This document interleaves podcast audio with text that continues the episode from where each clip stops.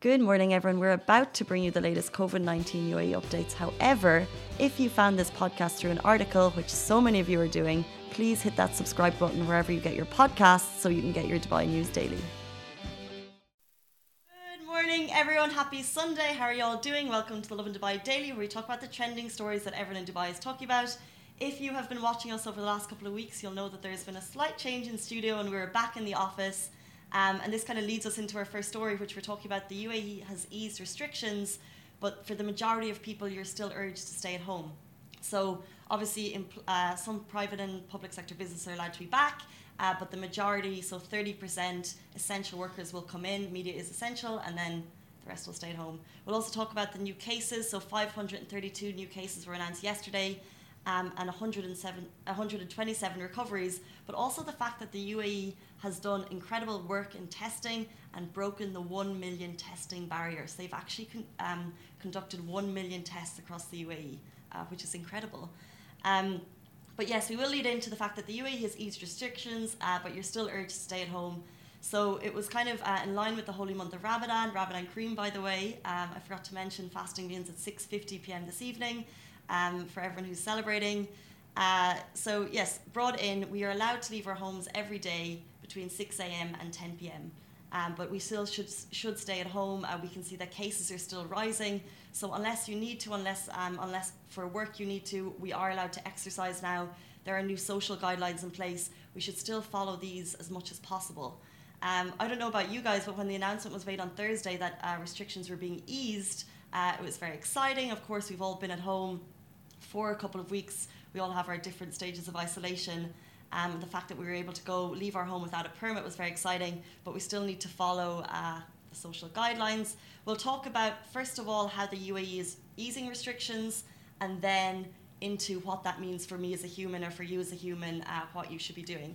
Um, so, Dubai Metro has started today, 7 a.m. until 11 p.m. Daily, it will operate.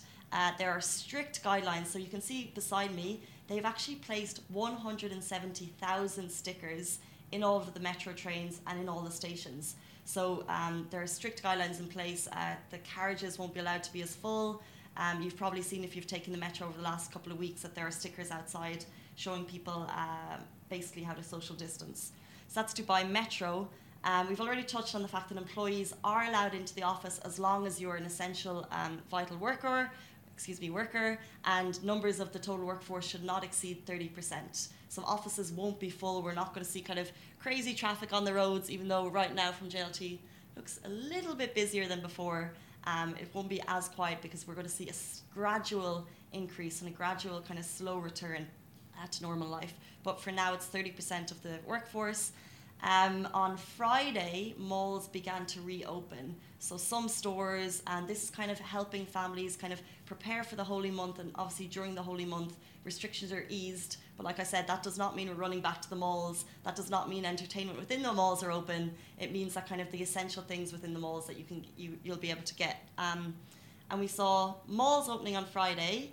Um, but we won't see kind of the full uh, range of malls. I think Dubai Mall itself uh, that will open on Tuesday with a couple more. So they're kind of slowly, kind of uh, also gradually increasing how they're running, and they'll operate from 12 p.m. or 12 p.m. until 10 p.m. daily. And like I said, cinemas, children play areas will be totally shut, and kids between the ages of three to 12 will not be allowed into malls. So I think these kind of little things. Uh, will still make a difference to how you were kind of conducting your life. You're not going to be bringing your kids to the shops with you. Um, and also the fact that visitors are only allowed in the malls for a maximum of three hours. Uh, valet parking won't be available, and malls themselves, like restaurants, like offices, are only allowed to be open at 30% capacity. So they're kind of the main um, massive changes that have happened over the last couple of days. Uh, and then I want to talk about kind of the social guidelines set in place. So what does that mean for me and you we don't need permits anymore, but are we going to visit friends' houses? Are we going to parties? Not really. Um, so these are the social guidelines set in place by the MOHAP. So right now for Ramadan, family visits are permitted, but only up to a maximum of five people. So you can right now drive in your car with a maximum of two people, maximum of three people, to your friends, to your family, or to your family, but it's only maximum five people. Um, along with that, sick, elderly, people with chronic illnesses, they should still not leave their home. So for you, uh, if you have an elderly person in your home, the rules do not change. Um, gatherings in public and private uh, places are, are, in public places. Sorry, gatherings in public places are 100 percent not allowed. Um, tents and Ram- uh, Ramadan majlis. Excuse me, I'm fluffing over my words this morning. Majlis, thank you, Shai. Just getting back used to it. Um, in public and in home, we're not permitted. Uh, there's a lot more. These were all announced, like I said, by the MOHAP. They're available on Abu Dhabi Media Office guidelines. A couple I think are, are interesting. Um, obviously, this is the holy month, so a lot of people usually would distribute food at this time to the people in need.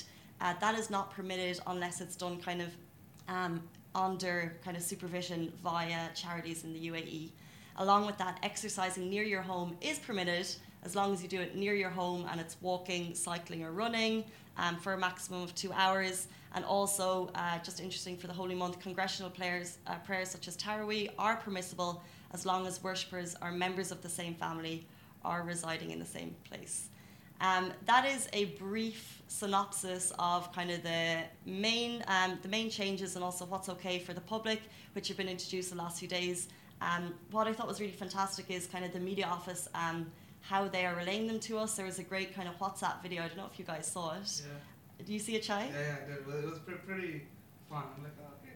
Because what happens in a lot of cases is you get um, you'll just kind of get a guideline or an infographic and you may not go through it all but this was like a quick whatsapp conversation we have it on lovin dubai instagram if you want to check it out and it was basically all of the questions that we're asking because so many of us have a lot of the same questions all answered um, by media office and they just did it in a way that i think we can all understand which is a whatsapp conversation um, and moving on to our final story so we'll still obviously do our isolation diaries this is our way to see what you guys are up to at home how you're making the most of your time because like I said, although restrictions are eased, we still should be staying at home. Uh, but this one made me laugh. It was by Laura Lou Travels. She sent it to us on Instagram. We'll just play it now quickly.